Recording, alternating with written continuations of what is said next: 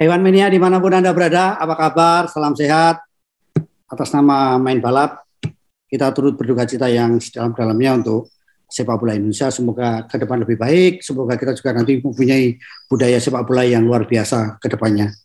Uh, dan kita kembali ke Formula One. Jadi semalam kita nonton di Singapura, hujan, MotoGP juga hujan. Jadi kemarin juga eh, banyak yang mengkritisi panitia panitia pelaksana di Singapura kenapa tidak memakai pawang gitu kan.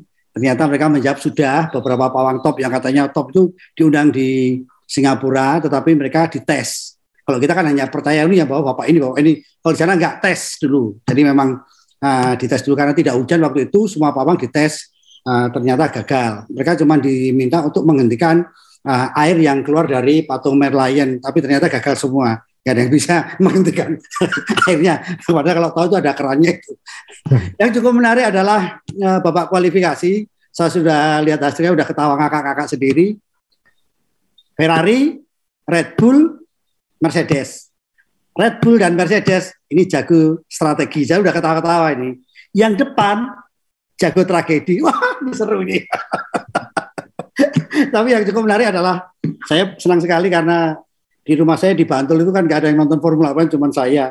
Tahun ini ponan saya uh, Jairo itu dari Bantul kan kebetulan saya dapat tawaran ke Singapura saya nggak berangkat. Pon aja pun ajak anakmu, anaknya berangkat. Nah ini langsung beli jaket. apa yang ngeluh? Lah yang dipilih bukan polo atau topi, jaket. dia, tapi bagus dia tanya. Pilih yang mahal dan jarang dipakai Mas Jo. tapi bagus dia. Uh, uh, Pak D kalau panggil kan Pak D. Pak D kenapa balapan malam hari? Papaku loh, besok nggak bisa jawab. Bapaknya tuh nggak bisa jawab. Oh di sana tanya saya, kok nggak aku nyari uh, kaosnya BMB nggak ada ya? Loh BMB kamu nonton jangan 20 22, tapi nonton 20 Uh, 2003 lah, 2005 kamu ketemu. Kalau 2022 nyari BMW nggak ada, pindah aja Superbike. nah dia tanya, kenapa balapan malam hari Pak D? Ya saya jelaskan tentang tawaran marketing waktu itu kan belum ada balapan malam hari. Singapura 2008 ya saya eh, ya. membuat ini. Terus saya juga guyoni kenapa malam hari kalau siang hari kasihan pembalapnya? Kenapa Pak D? Nanti tahu uh, ketemu banyak emak-emak rating kanan beloknya kiri wah pembalapnya kasihan. Terus ini menarik tapi memang dia kan masih lugu gitu kan terus uh, tapi Singapura kan negara kecil. Kok lampunya bisa sebegitu terang benderang gitu cak Nah, saya coba kan dia masih di SMP 1 kan kelas kelas 1 SMP saya tanya apa sumber listrik PLTN. Iya itu dari nuklir tahu kan? Pusat listrik tenaga nuklir dia tahu. PLTA pusat listrik tenaga uh, apa uh, PLTA itu dari apa? Air. Oh dia tahu. Uh, PLTU per, per, uh, per, apa perusahaan listrik tenaga uap dia tahu. Nah, di Singapura ada lagi yang namanya PLTA. Apa itu? Eh atau itu Pak Ade? Pusat listrik tenaga honorer saya bilang begitu. Tanya SDM. Oke, okay, Evan Media ini uh, saya mencoba bikin guyonan karena sebelum kita siaran Asa sudah lemes. Kenapa Sam? Balapannya nggak seru katanya. saya saya ini weekend kemarin itu kan, waduh, full banget Mas Jo. Saya terus terang uh, di Lombok karena saya uh, uh, perusahaan saya DBL ini kan kolaborasi dengan PASI uh, Persatuan Atletik uh, kita mulai menyelenggarakan uh, event atletik pelajar SD SMP SMA se Indonesia. Jadi ya. pembukaannya kan weekend kemarin di uh, di Lombok di Mataram. Uh, jadi ya pasti kan uh, banyak karena event pertama jadi banyak uh, banyak yang harus kita lakukan dan ternyata ya. seru banget. Sebenarnya ada bahagianya juga di situ, tapi kemudian Ya, kejadian sepak bola itu uh, saya tidak ingin banyak komentar di sini. Ini uh, kita tidak boleh banyak komentar di situasi seperti ini. Harus menunggu sampai momen tepat. Uh, uh, yang paling utama sekarang adalah ya kita berdoa dan uh, berharap sekarangnya segera membaik. Uh, bagi korban-korban juga bela sungkawa dan uh, nanti pada momen yang tepat kita akan akan bicara soal itu. Jadi mood saya agak campur-campuran hari Minggu itu uh, di satu sisi senang lihat anak-anak kecil uh, lomba atletik tapi sampai jam 3 pagi masih telepon-teleponan memastikan tim saya aman atau tidak. Kemudian uh, staff saya aman atau tidak, ada apa lagi di sana uh, dan kemudian banyak sekali uh, saya melihat ada beberapa menteri juga harus harus uh, bicara juga uh, sampai seharian. Jadi ketika pesawat terakhir minggu malam balik ke Surabaya jam enam setengah tujuh malam landing itu saya pengen landing uh, healing nonton F1 saya pengen pengen nonton F1 dulu. Uh, ternyata kan ketunda kan ketunda uh, karena hujan.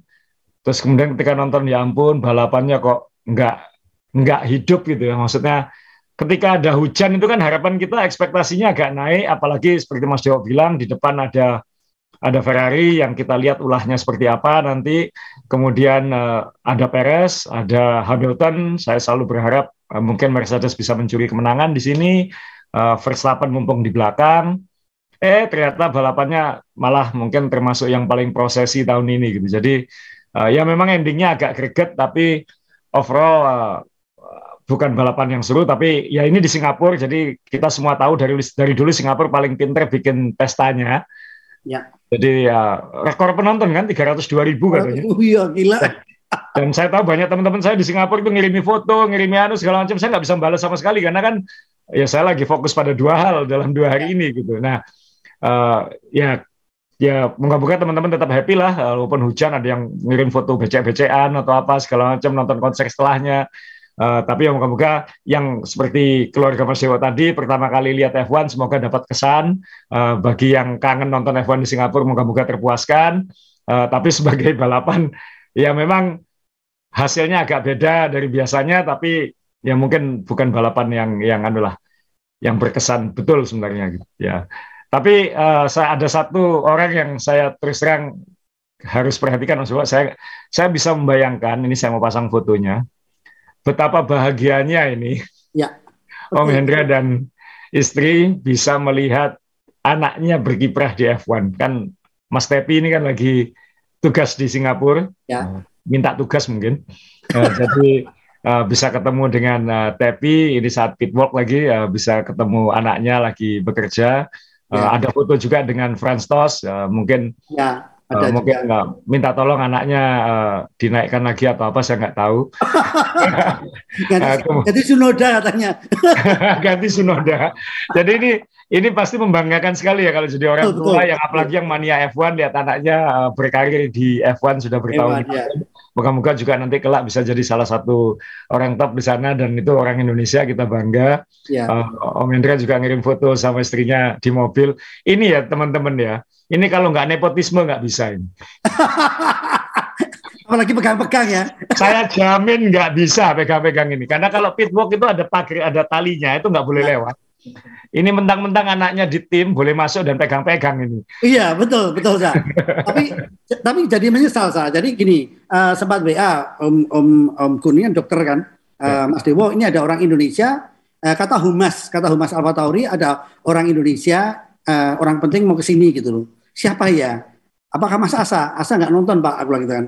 Siapa ya? Atau Doni, Doni Evan uh, Evan Media Surabaya? Enggak Pak. Aku bilang. Jadi memang ada yang ke sana, Sa. Cuman waktu itu kan kita sempat ditawari untuk gabung di Singapura kan sama Mas Tevi ya. kan juga sempat WA. Ayo ke sini Mas. Saya masih takut Covid. Allah ayo gitu kan. Ternyata menyesal ya tahu gini.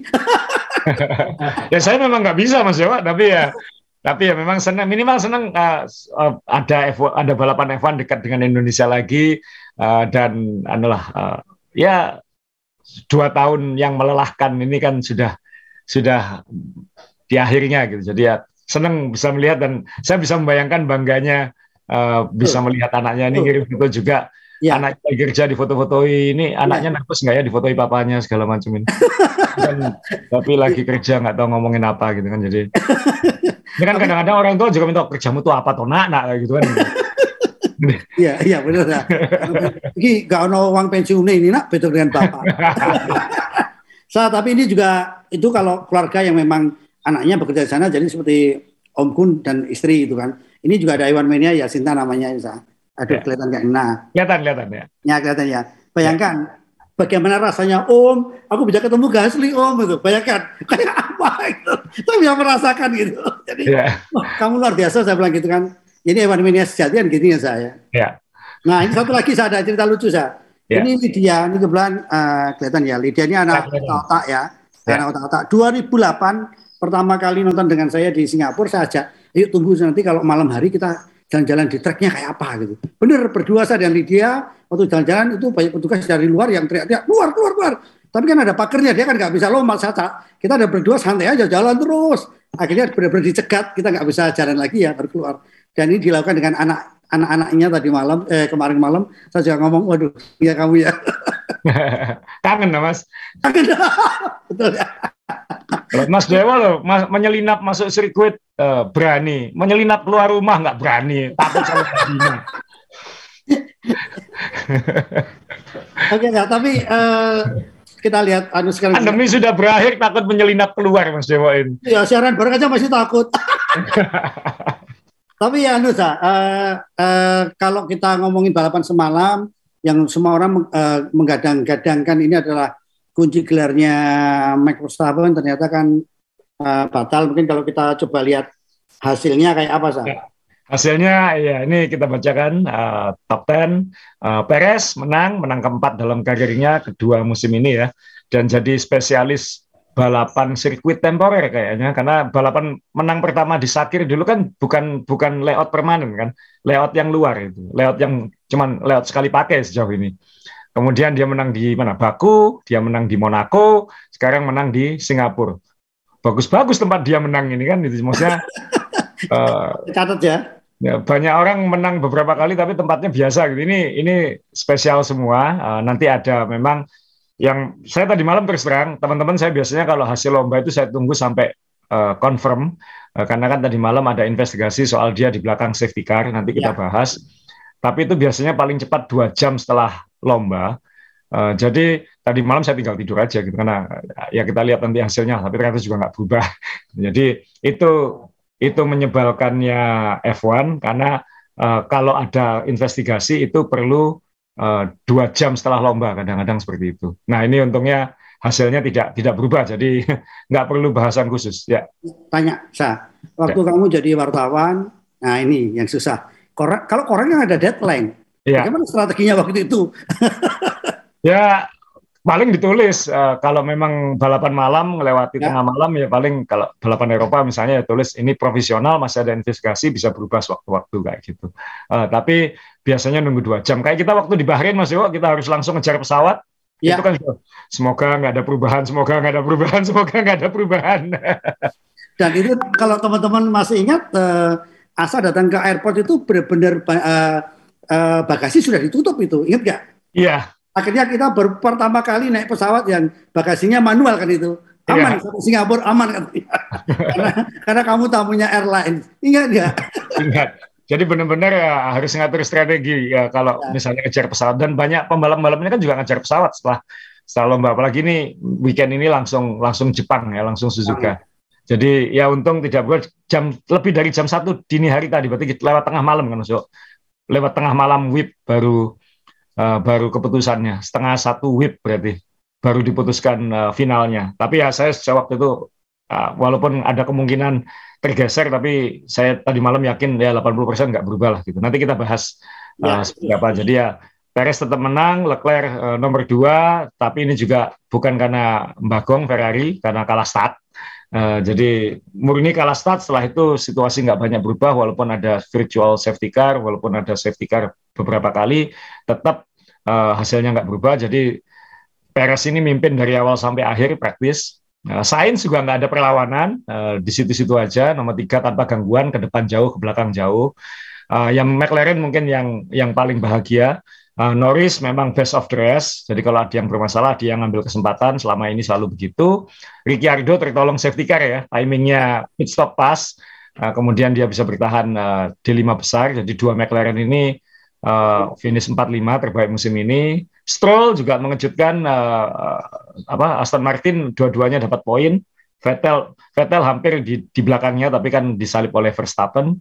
Verstappen hanya bisa nomor 7 uh, Hamilton sempat bikin salah sendiri, jadi finish nomor 9. Uh, eh, dan Gasly dapat satu poin ya. Lumayan lah Mas Tepi dapat satu poin di timnya.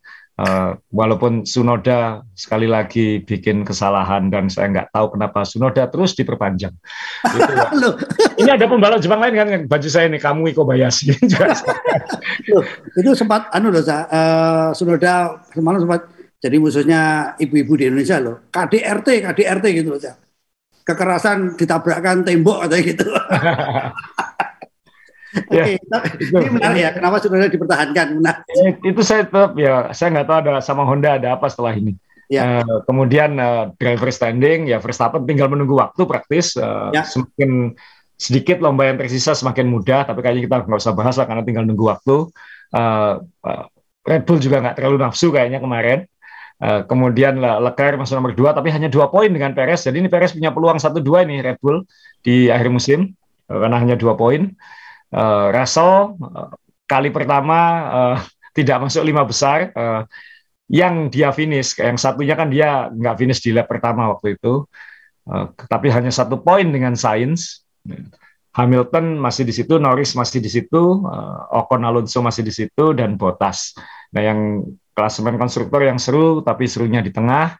Uh, Red Bull kita nggak usah lihat angkanya, Ferrari yang masih di situ, sama Mercedes ya. kayaknya juga aman-aman aja. Ya. McLaren sekarang ya, empat poin di atas Alpine. Jadi ini masih masih ada lima lomba kan masih ada peluang ya.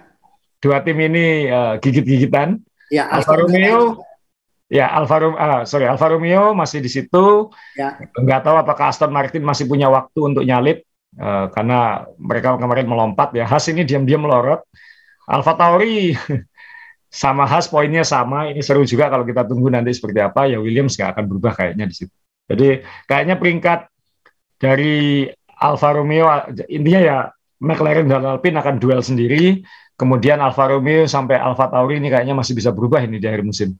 Ya kalau Anda suka cari apa ya hiburan tambahan ya ini yang dilihat nanti. Tapi tidak semudah itu untuk memprediksi posisi-posisi ini kan Mas. Jadi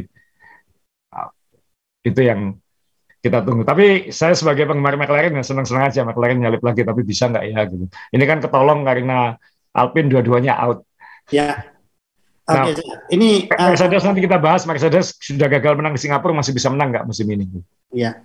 Uh, kita mulai dari babak kualifikasi saya, karena kan kita ya. tahu kalau kita tahu kalau kita ngomongin uh, sirkuit jalanan kan kualifikasi sangat penting sekali sa. Ya. Nah, apa yang terjadi dengan Red Bull sa? Jadi uh, dan apa yang terjadi dengan Red Bull dan apa yang terjadi dengan Ferrari yang seharusnya Ferrari kan juga di sini kita lihat juga selalu bagus uh, bapak uh, latihan dan lain sebagainya itu sa. Ini yang karena kemarin juga sempat hujan di babak latihan kan dan kondisi saat qualifying juga mungkin nggak nggak nggak ideal banget permukaannya. Ya. Jadi settingannya masih tebak-tebakan dan lain-lain. Ini saya pasang fotonya Verstappen karena memang ceritanya kan dia uh, dia yang hanya start peringkat berapa? 8 atau 7? 8 ya. Kemudian uh, Verstappen ini kok dia board uh, fase lap-nya gitu. Dia mau mau cepat tapi kok di board karena ternyata bahan bakarnya kurang kan. Jadi kalau dia lanjutkan lalu uh, keliling lagi sekali untuk kembali ya. ke pit itu kemungkinan bahan bakarnya habis atau kurang untuk syarat uh, scrutineering kan maksud. Jadi uh, syarat pemeriksaan. Ya. Harus ada sisa satu liter udah belajar dari Vettel uh, tahun-tahun dulu itu. Nah ya. ini sehingga ya mungkin karena juga sudah nggak nggak perlu jauh, perlu ngejar menang di depan juga, jadi Red Bull bisa lebih konservatif dalam hal ini. Ya sudah uh, masuk aja daripada ngambil risiko. Yang penting kita aman-aman saja kayak gitu. Jadi mungkin itu salah satu alasannya.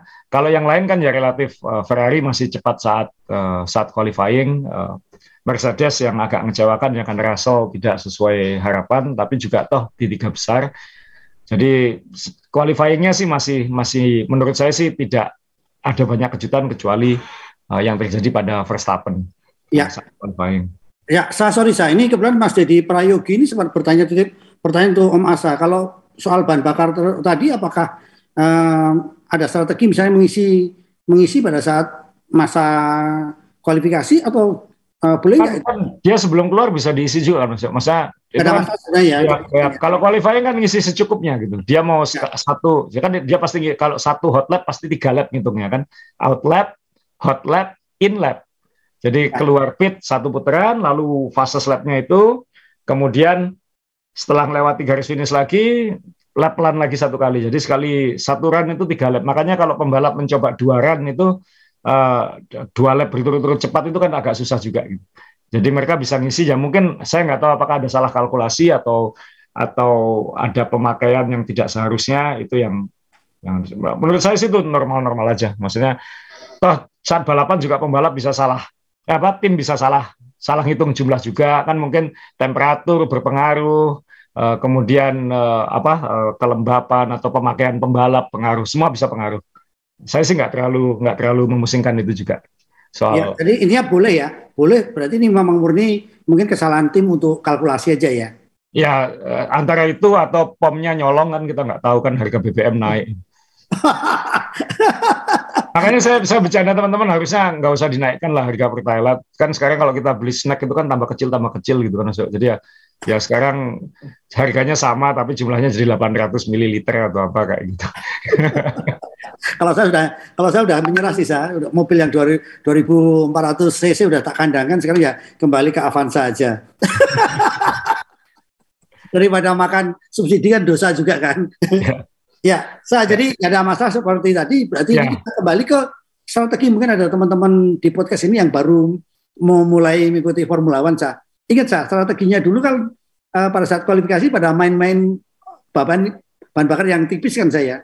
Ya, ya karena kan supaya semakin cepat lap itu kan bahan bakarnya dipasin aja gitu, ya. semakin sedikit. Karena kan kita ngomong mobil F1 ini kan satu liter itu hampir satu kilogram. Ya nggak nggak presisi ya tergantung uh, temperatur dan lain-lain uh, tapi satu liter itu satu kilo. Jadi kalau dia bisa hemat tiga liter itu tiga kilo lebih ringan. Jadi ya di, di dipaskan sepas mungkin dengan sedikit toleransi mungkin untuk untuk qualifying khususnya. Ya. Uh, jadi itu itu yang dilakukan. Jadi kalau misalnya salah hitung ya mungkin kalau kita ngisi bahan bakar sendiri kan kalau di luar negeri kan biasa di sini juga ada beberapa. Kita ngisi ya kita kita pasin klik klik klik aduh bablas kan kadang-kadang kayak gitu. Mungkin ini kliknya kurang atau apa kayak gitu. Jadi uh, ini adalah uh, ya ini ini normal lah. Kesalahan-kesalahan kecil ini bisa terjadi. Dan belum tentu kesalahan juga. Mungkin mungkin jumlah bahan bakar yang masuk tepat mungkin Verstappen engine uh, setting mesinnya mungkin bablas kan ya banyak hal yang bisa kalau kita cuma ngomong satu liter itu kan banyak hal bisa terjadi di F1 Ya. Karena satu liter dia kan bukan 30 kilo Mas Joko. Satu liter dia kan satu liter dia kan kayak kayak kita minum aqua satu botol dalam hitungan detik gitu mungkin.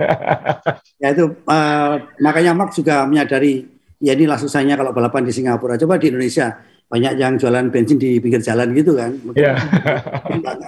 ya. Jadi ya. itu qualifying. Kemudian yang yang paling kontroversi kemarin ya pasti soal safety car uh, karena Uh, kita kalau kita bahas uh, Perez menang kan ya tadi kita ngomong soal uh, profesional. Jadi ketika Anda menonton podium dan lain-lain itu hasilnya sebenarnya masih profesional. Jadi ketika ketika Perez memegang piala ini itu hasilnya masih profesional. Masih ada kemungkinan piala ini akan diambil dari dia. Uh, itu yang jadi F1 kalau misalnya lomba selesai itu kan syarat TV harus ada podium, harus ada seremoni kembang api dan lain-lain. Tapi secara hasil itu masih disebut profesional sampai ditetapkan. Karena kemarin ada investigasi sebelum sebelum apa uh, setelah lomba terkait dengan safety car.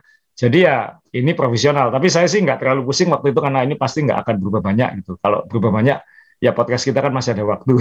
kalau itu media mungkin agak berat. Uh, jadi uh, kalau kita bahas soal safety car saya pasang yang ini aja. Uh, jadi aturannya di safety car itu kan dia harus kalau lampunya menyala itu dia harus menjaga jarak sekitar 10 10 mobil, 10 mobil. Ya. Jadi uh, menjaga jarak maksimal segitu. Nah, uh, rupanya Perez dua kali melanggar itu. Jadi ketika safety car pertama sama safety car berikutnya dia juga melanggar dan itu Ferrari kan sempat ngomong ini dua kali pelanggaran harusnya 10 detik gitu. Kalau 10 detik berarti kan kalau dia menangnya uh, di atas 10 detik baru tetap juara tapi menangnya kemarin kan tujuh setengah detik kan ya dia ya. ngepus dia ngepus di akhir untuk memastikan minimal lima detik kan kayak gitu ya.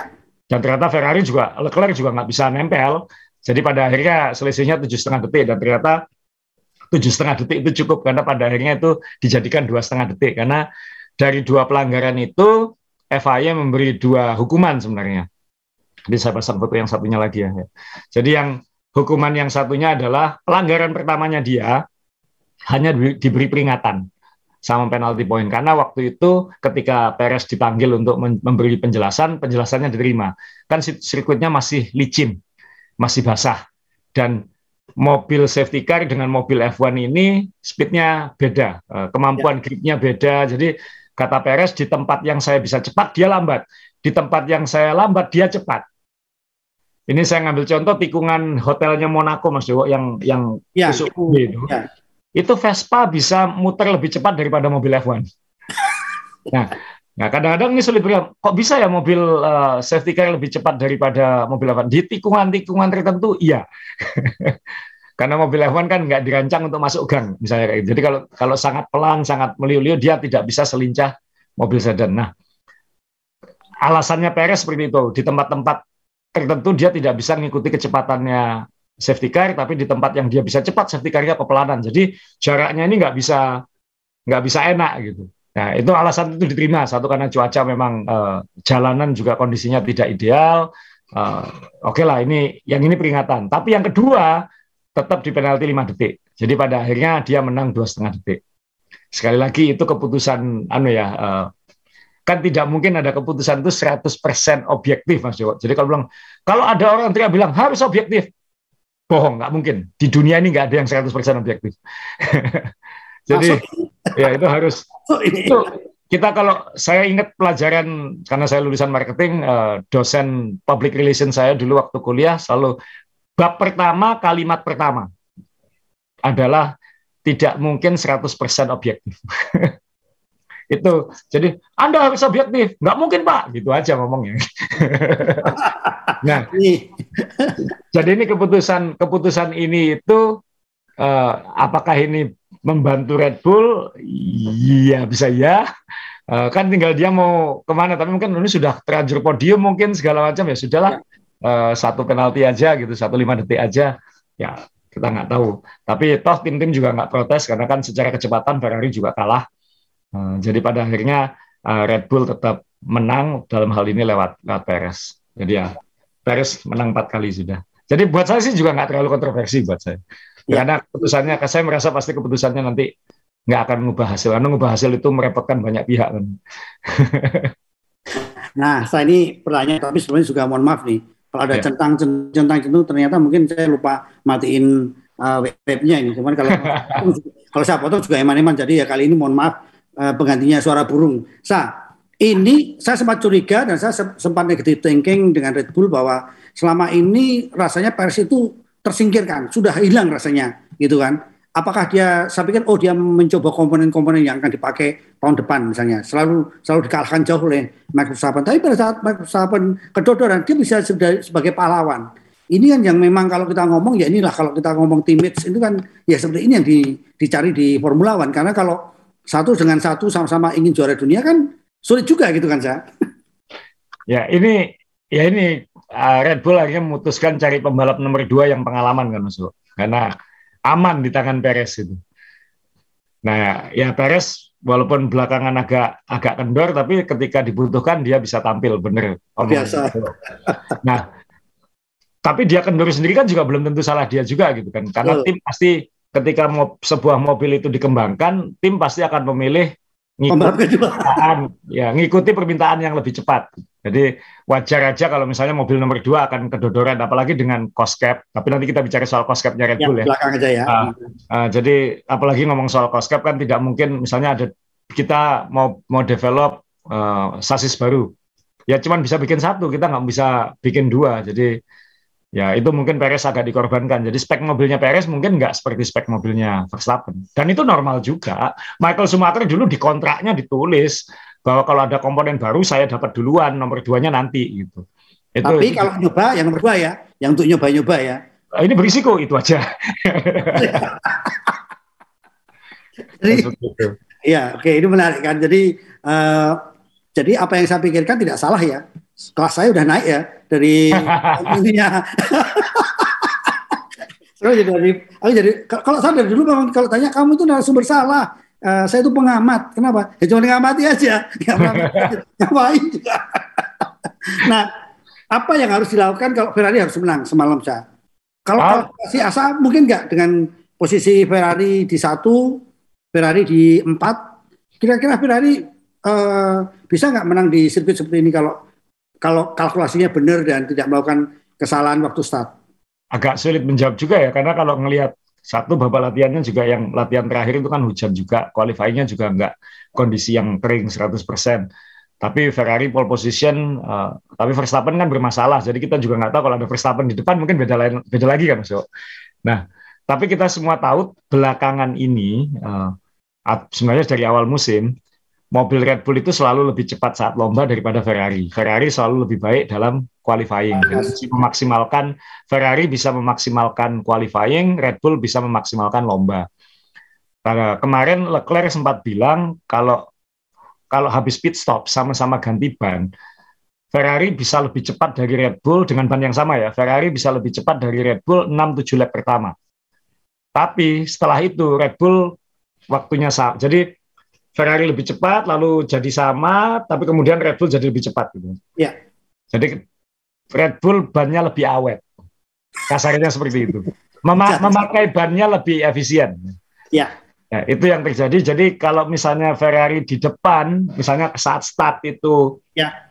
reaction time-nya kan sama, 0,029 atau apa itu. Jadi begitu go, reaksinya sama, tapi ketika gear selanjutnya tuh kayaknya Red Bull lebih lebih dapat ya. Uh, saya nggak tahu karena lintasan yang sebelahnya Perez itu lebih kering daripada lintasannya uh, Leclerc atau apa kan banyak faktor yang bisa mengakibatkan. Apalagi itu kan pakai ban intermediate yang pembalap-pembalap ini mungkin nggak punya banyak pengalaman latihan start pakai ban intermediate. Gitu.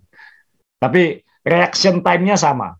Terus, tapi setelah mungkin saat gear keberapa itu Red Bull lebih dapat lebih dapat momentum, Perez lebih dapat momentum. Kemudian ya uh, Perez bisa mimpin terus sampai akhir. Kalau seandainya itu Leclerc yang di depan, apakah itu berarti Leclerc bisa menang? Ya kita nggak bisa jawab kan. kalau ngelihat kalau ngelihat bagaimana Verstappen kesulitan nyalip yang di tengah-tengah bisa jadi kan Mas Betul. Bisa jadi.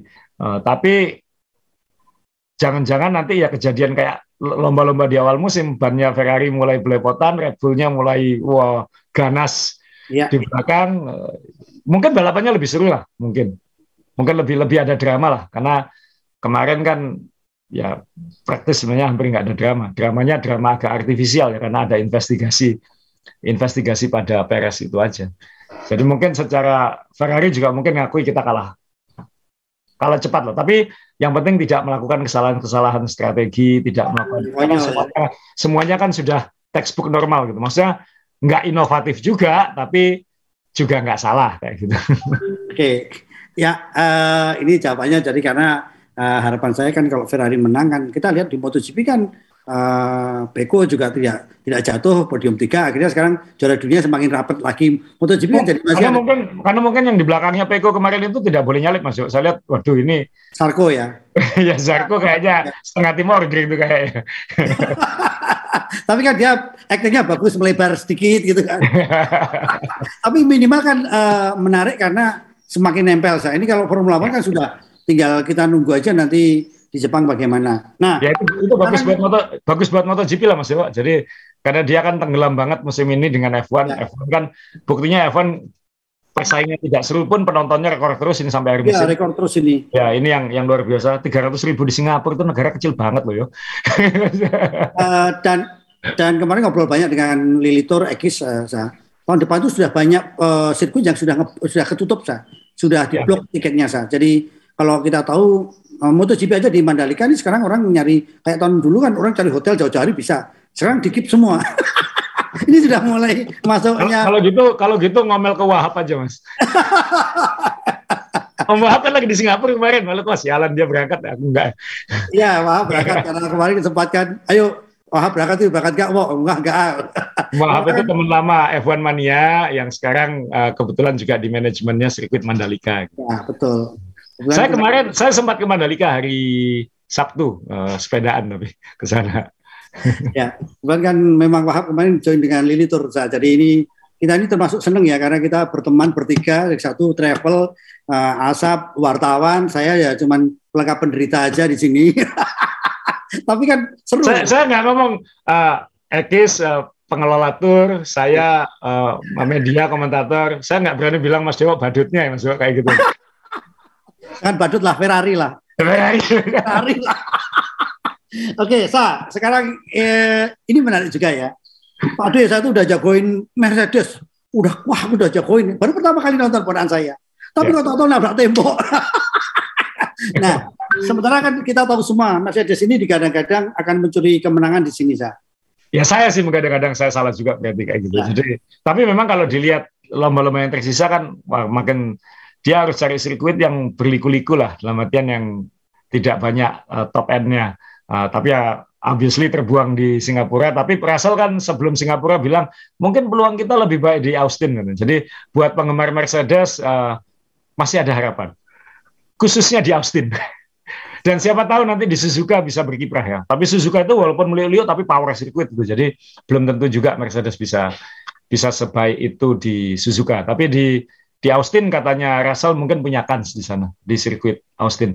Uh, ya Hamilton tadi malam ya Russell kan non faktor ya. Uh, Russell jadi kelinci percobaannya semua kan ketika dia pasang ketika dia pasang ban ban apa itu ban medium medium ban medium ya medium. jadi uh, dan ternyata waktunya jauh butuh waktu lama sebelum waktunya membaik dan itu tidak menolong Hamilton juga karena kan semua orang tinggal melihat Russell aja gitu. Kalau catatan waktunya Russell sudah dekat dengan intermediate, itu waktunya ganti ban kan kayak gitu Mas Jo. Iya, tapi saya baru tahu saya semalam itu waktu Russell ganti uh, ban itu kan, waduh ini bagong ini. Tapi ternyata uh, tim-tim itu juga gibah ya ngomong sama pembalapnya loh. Russell ganti medium. Iya kan, maksud sama juga dikasih tahu kan. Ya, Terus tapi, ini kan sambil kita lihat hasilnya kan. Iya, tapi pembalap kan dia yang tahu. Uh, dia pasti punya feeling lah enggak lah ini belum ini belum ini belum kayak gitu ya nah, kan harapannya harapannya Russell mungkin juga enggak langsung cepat kan Mas ya siapa tahu aku sengsara dua lap tapi habis itu aku jauh lebih cepat dari yang lain. Ya. dan ketika aku jauh lebih cepat dari yang lain yang lain bingung kapan harus pit stop. Kan harapannya kira-kira begitu. Tapi kan ternyata enggak juga gitu. sehingga tidak tidak tidak mempengaruhi strategi overall juga. Apalagi dengan banyak safety car. Jadi semua templatean kemarin itu enggak enggak ada kecuali Ricciardo yang menyodok ya. Nggak ada yang nggak ada yang out of the box. Uh, sebentar saya ini uh, pertanyaan saya cukup uh, mungkin uh, cukup menggelitik juga menurut saya karena apa? Saya tuh semalam bingung ya. Kita tahu bahwa intermediate itu akan dipakai sampai berapa 20 lap misalnya gitu. Ya. semalam kan saling menahan karena masuk masuk uh, pit stop itu kehilangan banyak waktu gitu kan. 27 detik kalau nah, kalau ya kan? Karena ini sirkuit jalan pasti akan lebih lama lagi kan. Nah semalam kita lihat kan tunggu-tungguan sa. Iya. iya dan moga-moga banku nggak habis duluan, moga-moga iya, kan?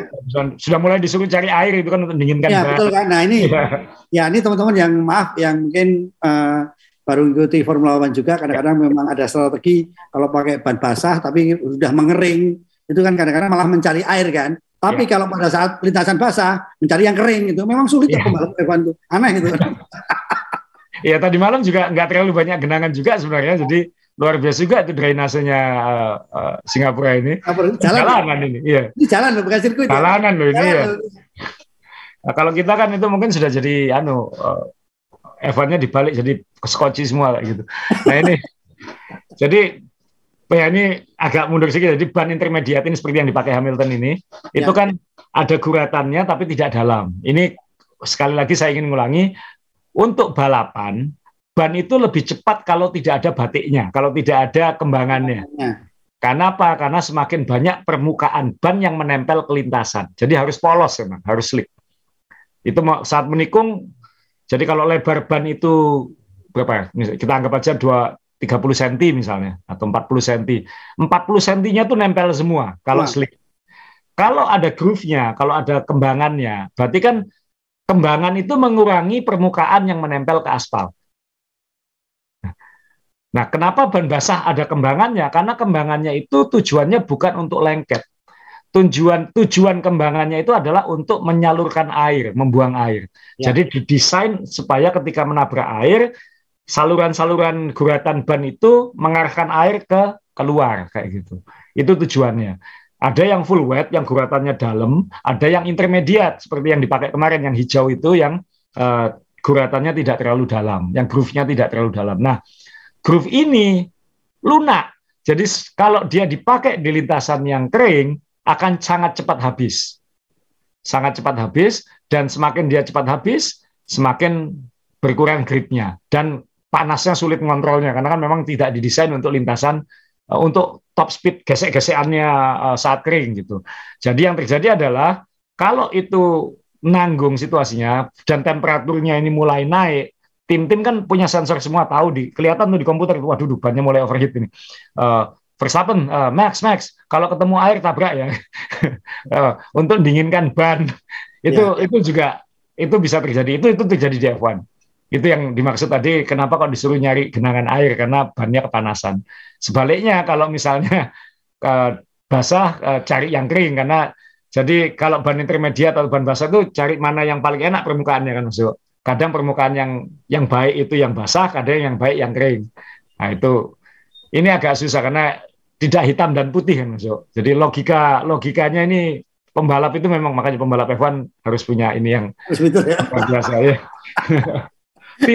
feeling feeling dan ininya harus main terus. Main terus ya. ya. Jadi semalam saya juga berpikir, wah ini banyak Ocon yang paling panas itu sehingga dia cari air sampai keluar uh airnya semburat oh itu ternyata asap deh meledak ternyata panas tuh. Ya oke okay, so, jadi uh, Mercedes memang tidak ada waktu lagi kecuali di Austin ya karena yang diharapkan di sini tidak sesuai hasil gitu kan saya jadi uh, sulit. Nah oke okay, sa kita ngomongin uh, tim lain. Kita ngomongin Alpine, Aston dan McLaren. Uh, ya biasanya kemarin kan, ya mungkin nggak terlalu nggak perlu terlalu banyak dibahas juga. Uh, ya. Kalau kita perhatikan Mas ya dalam beberapa lomba terakhir posisi qualifyingnya McLaren dan Alpine ini selalu berdekatan kan. Itu khususnya khususnya Norris maaf, uh, Ricardo lebih sering di belakang. Jadi ini selalu Norris ini bebannya adalah kalau aku qualifying di depannya Alpine, aku harus bisa nahan Alpine ini supaya poinku lebih banyak. Tapi kalau di belakangku ada dua Alpin, se seberapa berat aku berjuang, tetap poinnya kalah totalnya nanti itu. Nah, McLaren butuh momen-momen di mana kedua mobil Alpine itu tidak perform atau tidak finish. Nah, itu kejadian uh, tadi malam di Singapura sehingga ya peringkat 4 dan 5 kan Mas Yo, itu kan kalau nggak podium itu yang maksimal. Ya. Sehingga ya kabar baik buat McLaren lah dia bisa menyalip uh, Alpine lagi di klasemen. Apakah bisa bertahan itu lain lagi karena hanya empat poin. Empat poin dan masih ada lima lomba, jadi masih. Yang saya suka adalah uh, Norris dan Ricciardo ini walaupun sudah tahu satu bakal out, hubungannya masih sangat ya karena dua-duanya memang orangnya santai dan rileks ya. Jadi ya. masih olok-olokan, masih kayaknya Ricciardo sudah pada fase ngerimo kayak gitu sudah. Ya, ya, ya, ya saya nikmati aja saya nikmati aja balapan-balapan kayak bersama McLaren gitu. Jadi ya ini Vettel ya saya. Kayak Vettel ya, nikmati aja ya. Kayak Vettel ya. saya nikmati aja, saya udah pensiun gitu. ya, kan? nikmati aja. Jadi ya sudah sudah bagus dan itu mungkin itu malah bisa lebih lepas mungkin ya. Bisa lebih lepas dan tadi malam uh, saya pikir dia kan pakai soft itu terakhir ternyata juga nggak lebih cepat dari Norris juga gitu. Nah ini yang uh, tapi ya tetap uh, ini kalau dia bisa keluar dari McLaren membantu McLaren di peringkat 4 itu kan satu nama dia kan akan kembali baik kan, uh, direhab lah sedikit. Jadi kalau misalnya tahun depan tidak dapat kursi, orang masih ingat dia terus untuk 2024. Kan yang penting sekarang itu masuk. Karena harapannya kan tinggal khas sama ya praktis tinggal khas mungkin kayak gitu. Jadi agak susah juga ini. Atau Alpin mungkin tiba-tiba pengen ngambil dia kayak nggak tahu. Yang yang sedih kemarin ya pasti Alpine karena Alonso kan kemarin balapan ke 350. Jadi saya mikir tahun 2001, 2002 saya itu kita termasuk saksi Alonso balapan pertamanya kan Mas Yo. Iya, 2001 ya. Oh ya, di Sepang ya saya. Ya, saya lagi nyari fotonya Mas Yo karena waktu itu masih pakai film tahun 2000 2001 itu. Ada yang pakai film, ada yang digital foto dengan Alonso waktu masih belum balapan di F1 masih masih jadi test driver waktu itu kan dia di Minardi awalnya dulu. Nah itu dia tuh tes dia itu developernya Renault tapi kan di di Minardi dulu. Nah itu saya punya foto dia waktu dia masih culun gitu. Ya ya nggak jauh-jauh amat sama saya sih. Cuman kan uh, dia lebih culun. Saya umur 23 dia masih dia 20 saya kan 24 kayak gitu. Jadi masih masih culun dia lah. Saya lagi nyari fotonya ini di mana. Uh, Asa waktu uh, bilang taksi benar saya, saya, saya juga ini kejadian di Sepang uh, waktu itu saya kan di apa uh, disusup uh, tanda petik ya diajak masuk ke uh, satu ruangan yang ruangannya itu berdekatan dengan areanya mobil DNF. Ya. Nah Alonso ini waktu itu menjadi idola karena ganteng ya kan rambut gondrong ya. gitu ya. kan. Nah waktu Alonso DNF itu semua keluar stafnya keluar, saya ikut keluar saya. Baru sadar, iya kameraku di meja, lari ambil kamera, dia udah hilang, menyesal saya. ya ini pertama kali Ewan Mania bisa sampai ke, uh, ke dalam sirkuit, ya apa ke ke ya pedok, uh, saya jujur aja dibantu nepotisme, tapi waktu kejadian ini saya benar-benar kayak gempa saya. Saya pernah ngalami, saya pernah gempa waktu pulang ke Bantul ada gempa ya benar-benar saya keluar tanpa celana ya pernah lakukan itu saya. itu saya lakukan kan langsung lari kan. Ya. Tapi semalam nah. kalau mau kalau boleh uh, komen saya, ini semalam kan saya lihat ini singa tua ini sangar waktu menahan Michael Verstappen.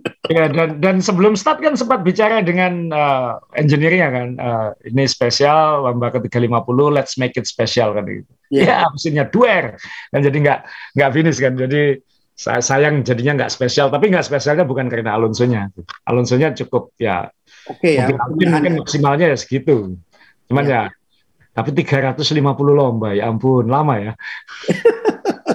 Padahal pernah off ya pernah pindah. Pernah off pernah, ya, off. Kan? pernah ke Indikar kan ya sama Leman jadi luar biasa nih orang. Nah, uh, minta ya. pendapat saya semalam kan kita berharap Alonso semalam kan ketemu ya Max Verstappen ada Vettel Max Verstappen Lewis Hamilton. Juara dunia semua tiga-tiganya. Iya kan? Ya urut-urutan ya. Iya kan? Saya sempat ya. aduh Alonso kok mau kok mesinnya meledak tuh apa yang saya lihat semalam uh, tiga juara dunia berebut posisi saya kalau saya sih cuma ngelihat waduh ini Mercedes nggak bisa menang nih apa Hamilton di belakang saya sih cuma berharap karena saya McLaren nah, dalam hati ya tarung aja tarung aja supaya Norris nggak keganggu di depan Tapi keren ya semalam berarti uh, memang kalau juara dunia itu kelas ya memang. Ya, kelas. kelas ya, kelas ya. Ini sirkuit sirkuit jalanan lagi kan, bukan ya. normal ya. Ya, ngomong soal Aston Martin Sewa ini Stroll ya. yang tadi malam finish ya. Kita lihat apakah dia bisa bisa nyodok lagi ke atas di klasemennya tadi. Tapi ya, kita kan jarang nampilin mobilnya Aston Martin di podcast ini jadi ya apalagi Stroll. kita pasang dulu anak papa di sini. Uh, dan ini ya kita lihat bisa bisa kan dia seharusnya jauh di atas inilah peringkatnya dengan image, dengan brand, dengan budgetnya dia dan lain-lain. Tapi agak penting juga menampilkan mobil uh, mobil Aston Martin dan uh, saya ingin masang fotonya timnya Red Bull ini karena dua tim ini sekarang sedang dalam sorotan, sorotan ya.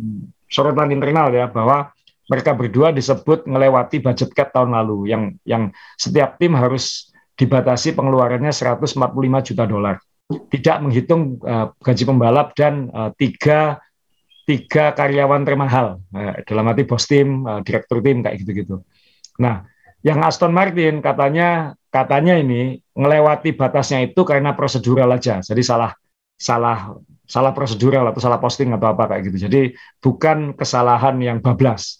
Tapi Red Bull disebut bablas sampai 10 juta dolar dan itu uh, ini tim-tim lain kan komen semua Toto Wolff komen uh, bos apa petinggi-petinggi Ferrari komen uh, tim-tim lain komen. Nah itu kan kalau mereka komen berarti kan itu naruh pressure ke FIA untuk ayo sanksinya apa ini? Sanksinya apa ini? Jadi uh, mungkin tidak akan mengubah hasil kejuaraan dunia tahun lalu tapi yang di, yang ditekankan ini kan political game ya Mas Dewa. Jadi akan Piranha Club ini klub Piranha klub Piranha itu bos-bos tim ini akan saling menyudutkan satu sama lain untuk bukan hanya untuk image tapi untuk kekuatan lobby dan lain-lain gitu. Nah, 10 juta dolar, 10 juta dolar kalau 12 tahun lalu itu kan bisa dipakai untuk membantu mobil tahun ini. Jadi ketika Red Bull tahun ini lebih cepat secara tidak langsung mereka bilang ya karena tahun lalu mereka bablas menggunakan uangnya untuk untuk investasi untuk membantu tahun ini kayak gitu ya. Uh, adalah apakah itu analogi beneran atau tuduhan beneran atau gatu-gatuan saya nggak tahu kan. Yang penting kan mereka saling serang aja dulu gitu. Dan apalagi ini punya musuh bersama kayaknya Red Bull yang sedang yang sedang kuat ini. Uh, yang saya dengar terakhir mungkin gosipnya adalah akan didenda. Dendanya kira-kira walaupun tingkat tingkat pelanggarannya beda dua-duanya akan didenda 7 juta setengah dolar. Saya nggak tahu denda itu akan akan digunakan ke FIA atau gimana tapi kalau di kalau di liga-liga Amerika dan pengelola F1 ini Amerika sekarang, kalau misalnya ada kalau di Amerika kan yang namanya budget cap itu sangat salary cap itu kan sangat diberlakukan Mas Jo. Di ya, ya. basket, ya. di football gaji itu dibatasi supaya adil gitu. Nah, kalau ada yang melewati, dendanya adalah jumlah yang terlewati itu didobel kalau di NBA ya, misalnya batasnya 100 juta dolar, ada tim yang melewati 10 juta dolar. Uh, ini boleh, silakan melewati 110 juta dolar. Tapi kamu harus membayar denda satu banding satu. Jadi kalau 10 juta, dendanya 10 juta lagi, uh, 20 juta. Berarti 20 juta itu nanti dibagikan ke klub-klub yang lain. Hmm. Jadi kamu boleh melanggar, ngelanggar, oh, aku dapat uang. Nah, saya nggak tahu di F1 seperti apa. Tapi di F1 ini uh, katanya sih mau denda tujuh setengah juta dolar per tim. Tapi uh, dan pengurangan pengurangan alokasi uh, uji coba terowongan angin kayaknya. Jadi mungkin efeknya bukan untuk tahun depan tapi mungkin untuk 2024. Ini sekali lagi ini ini game yang dilakukan political game yang dilakukan oleh uh, bos-bos tim sekarang uh, kepada uh, Red Bull. Red Bull sendiri sih tidak menolak, tidak membantah, uh, tapi mereka lebih bilang uh, kita bisa anu loh uh, somasi loh yang asal jeplak kayak gitu bahkan mulai uh, ya mirip-mirip dengan politik kita lah sebenarnya iya mirip kita dikit ya. somasi somasi tapi tapi yang saya tangkap yang paling menarik itu omongannya Helmut Marko karena uh, uh, kakek-kakek yang satu ini memang uh, sering bablas ngomongnya uh, sering bocor uh, dia sempat ngomong di interview itu adalah uh, mungkin yang dilakukan Red Bull itu kan Mas Tepi kan sempat cerita kan harus ada financial engineer sekarang karena untuk mengawasi pengeluaran, mengatur posting-posting pengeluaran ini supaya sesuai regulasi. Nah, Helmut Marko kan mengingatkan bahwa Red Bull itu kan ada banyak perusahaannya. Ada tim balap ini, Red Bull Technology, Red Bull eh, apa teknologi, kemudian ada jadi ada tiga perusahaan pakai nama Red Bull kan bisa aja ini loh ini bukan biayanya ini, ini biayanya ini gitu. Ini biayanya ini. nah, Ah, ini kan mungkin loh aku kan nggak melanggar, ini beda PT. Iya. Kan bisa aja kayak gitu misalnya. Betul betul. Itu juga ya. Nah, saya nggak tahu ini pelanggarannya di mana. Kalau itu misalnya ke gaji stafnya yang berlebihan loh ini bukan karyawanku kok ini karyawannya itu dipinjamkan ke sini. Mungkin kayak gitu. Uh, kalau kalau uh, apa uh, anggaran development loh yang develop bukan aku yang develop PT yang ini. Kita cuma beli aja. Jadi yang kamu hitung yang tak beli bukan yang developmentnya. Jadi misalnya kan ya kantong kanan kantong kiri kan Mas Dewo. Jadi misalnya uh, saya sama Mas Dewo uh, satu payung, uh, cost cap-nya bilang biaya pembuatan monokok misalnya harus uh, 10 miliar gitu. Tapi saya butuh uh, 20 miliar untuk mengembangkan yang terbaik ini. Ya udah saya keluarin aja 20 miliar di perusahaan saya, tapi saya jual ke Mas Dewo 10 miliar. Jadi biayanya Mas Dewo kan 10 miliar. Iya. Nah ini ini trik-triknya saya nggak tahu apa yang dilakukan, tapi Red Bull punya tiga perusahaan yang terlibat uh, menurut Helmut Marko. Jadi ya Loh, kita kan ada tiga perusahaan yang berbeda. Nah, oh dalam hati saya, oh gitu cara mainnya. Jadi ini dipakaikan perusahaan lain kayak gitu. Iya, iya. Tapi iya. nanti saya, saya saya saya ingin ikuti juga nanti perkembangannya analisisnya FIA dan F1 seperti apa karena kan kalau ini bisa dilakukan yang lain akan melakukan juga gitu. Nah, berarti kan itu tidak baik, itu bukan presiden yang baik gitu. Nah, ini yang kita harus tunggu nanti apa yang akan dilakukan FIA dan dendanya seperti apa uh, untuk Red Bull dan Aston Martin. nah, karena ternyata di F1 itu kalau ada yang melanggar budgetnya itu ternyata didenda dan duitnya gede sekali. Nah, ini kan peluang untuk teman-teman main balap siapa tahu menyalurkan proposal nanti dana-dana ini kita buatkan dana amal, dana sosial kita bagikan ke teman-teman kita supaya bisa nonton ke pedok gitu kan. itu sama kalau saya dulu jualan jualan sepeda bekas saya mas loh mas uangnya untuk apa? Untuk disumbangkan gitu. Sumbangkan ke mana? Pembelian sepeda selanjutnya tapi ada juga mas saya dulu waktu saya pernah jadi komisioner liga basket profesional di Indonesia waktu pegangan BL dulu ya. saya juga sering ngasih denda. Uh, tapi saya jelas dari awal di regulasinya adalah kalau saya denda dendanya itu untuk kegiatan sosial. Makanya dulu Liga Basket saya banyak kegiatan di panti asuhan kayak gitu-gitu. Karena uh, itu ya itu denda pemain kemarin mukul di gitu. jadi nah, kalau kita nggak tahu nanti di F1 akan seperti apa itu. Ya. Iya, jadi kalau kemarin ada yayasan di Indonesia yang gede banget ternyata duitnya itu yang dipakai 20% lebih untuk kegiatan pribadi ya. Memang untuk kegiatan sosial iya, sosialita ya kan. Sa, ini kita ke Jepang, Sa. Ya. Nah, Jepang luar biasa menurut saya. Ini kan karena asal tadi bilang kenapa Yuki Tsunoda dipertahankan. Siapa tahu Honda akan kembali lagi. Dan kemarin Perez juga sudah menyinggung-nyinggung kita Jepang karena kita uh, ini kandangnya Honda gitu. Uh, apa yang menarik balapan tahun ini uh, yang akan terjadi di uh, Jepang? Silakan saya. Ya, sama seperti Singapura kan, so ini absen agak lama, jadi uh, ingatan kita kepada Suzuka mungkin agak agak lupa tapi ini sirkuit yang legendaris salah satu sirkuit paling top di F1 dalam hal layout dalam hal uh, apa ya tantangan pembalap tantangan untuk mobil karena setelah trek lurus itu meliuk-liuk uh, kemudian tikungan dulu 130 RT yang diambil flat uh, tanpa ngelepas gas sama sekali itu uh, apakah tahun ini sama seperti itu kan ini mobil baru jadi penasaran juga uh, di atas kertas meliuk-liuk itu baik buat Mercedes, tapi karena ini masih tergolong power circuit, belum tentu. Uh, top speednya Mercedes kan kalah. Dan uh, satu lagi ini yang saya paling khawatir adalah ini bukan sirkuit yang gampang untuk salip menyalip. Karena cenderung agak agak nggak terlalu lebar dan sangat meliuk-liuk, jadi mobilnya efisien semua di situ. Nah dengan regulasi baru, dengan uh, apa namanya ground effect ini, apakah bisa membantu action di Jepang itu yang saya tunggu. Sama juga uh, sering hujan di sana. Tapi kalau hujan di sana itu biasanya balapannya lebih seru. Jadi ya kita lihat nanti seperti apa di Jepang. Nah ini kan weekend ini, jadi moga-moga tadi malam balapannya nggak terlalu berkesan. Moga-moga nanti di Jepang bisa lebih menggigit balapannya. Oke, ya itu Evan Mania. Jangan lupa uh, Suzuka uh, jangan lupa jadikan kalender kalau anda memang belum pernah nonton di sana karena Suzuka ini memang selalu mengingatkan saya. Saya jadi uh, ada kaos di rumah saya kaos oblong ini kan memang sengaja waktu saya berangkat bapak saya sakit jadi saya udah saya berikan kaos oblong karena hobinya di rumah itu sama dengan saya suka pakai kaos yang putih oblong ya. Ternyata saya bawa pulang bapak saya udah seruk yang kedua jadi ya kaos ini masih saya simpen mulai tahun 2018 ini kenangan yang luar biasa. Oke, Iwan Minia jangan lupa Suzuka ini uh, sirkuit yang paling luar biasa ditonton. Uh, di dalam juga nyaman sekali ya. Sebenarnya orangnya ramah-ramah itu juga mungkin salah satu catatan yang luar biasa kalau Anda nonton di Suzuka. Baik, asal ada tambahan lagi? Uh, cukup dulu Mas Dewa. Cukup ya. Oke. Okay. Uh, Ewan Menia, terima kasih teman-teman yang sudah mengirimkan foto, gambar, uh, video, uh, foto-foto manas-manasi uh, Mercedes yang ada di uh, Singapura. Silakan Anda kirim di bawah di kolom komentar foto-fotonya supaya bisa semangat ya. Semangat teman-teman yang lain untuk bisa nonton di sana gitu kan. Nah, mungkin saya ingin tahu yang teman-teman yang ke Singapura minimal ceritakan pengalamannya ketika di Singapura kemarin apa yang berkesan. Bagi yang pertama kali apa kesannya, ya. bagi yang uh, sudah lama tidak nonton langsung F1 apa kesannya, uh, mobil-mobil baru ini kesannya seperti apa. Uh, tolong uh, tulis komentar karena saya suka uh, kan kayak baca testimoni kalau kayak gitu. Ya. Jangan lupa foto topinya Ricciardo yang 140 uh, dolar Singapura tapi kalau beli tiga jadi 60 itu juga ditampilkan juga boleh bikin mangkal itu.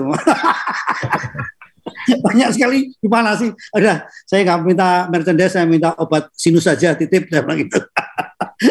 Sekali lagi Asa terima kasih teman-teman main balap yang ada di belakangnya Asa terima kasih. Teman-teman sampai jumpa dan jaga kesehatan. Salam.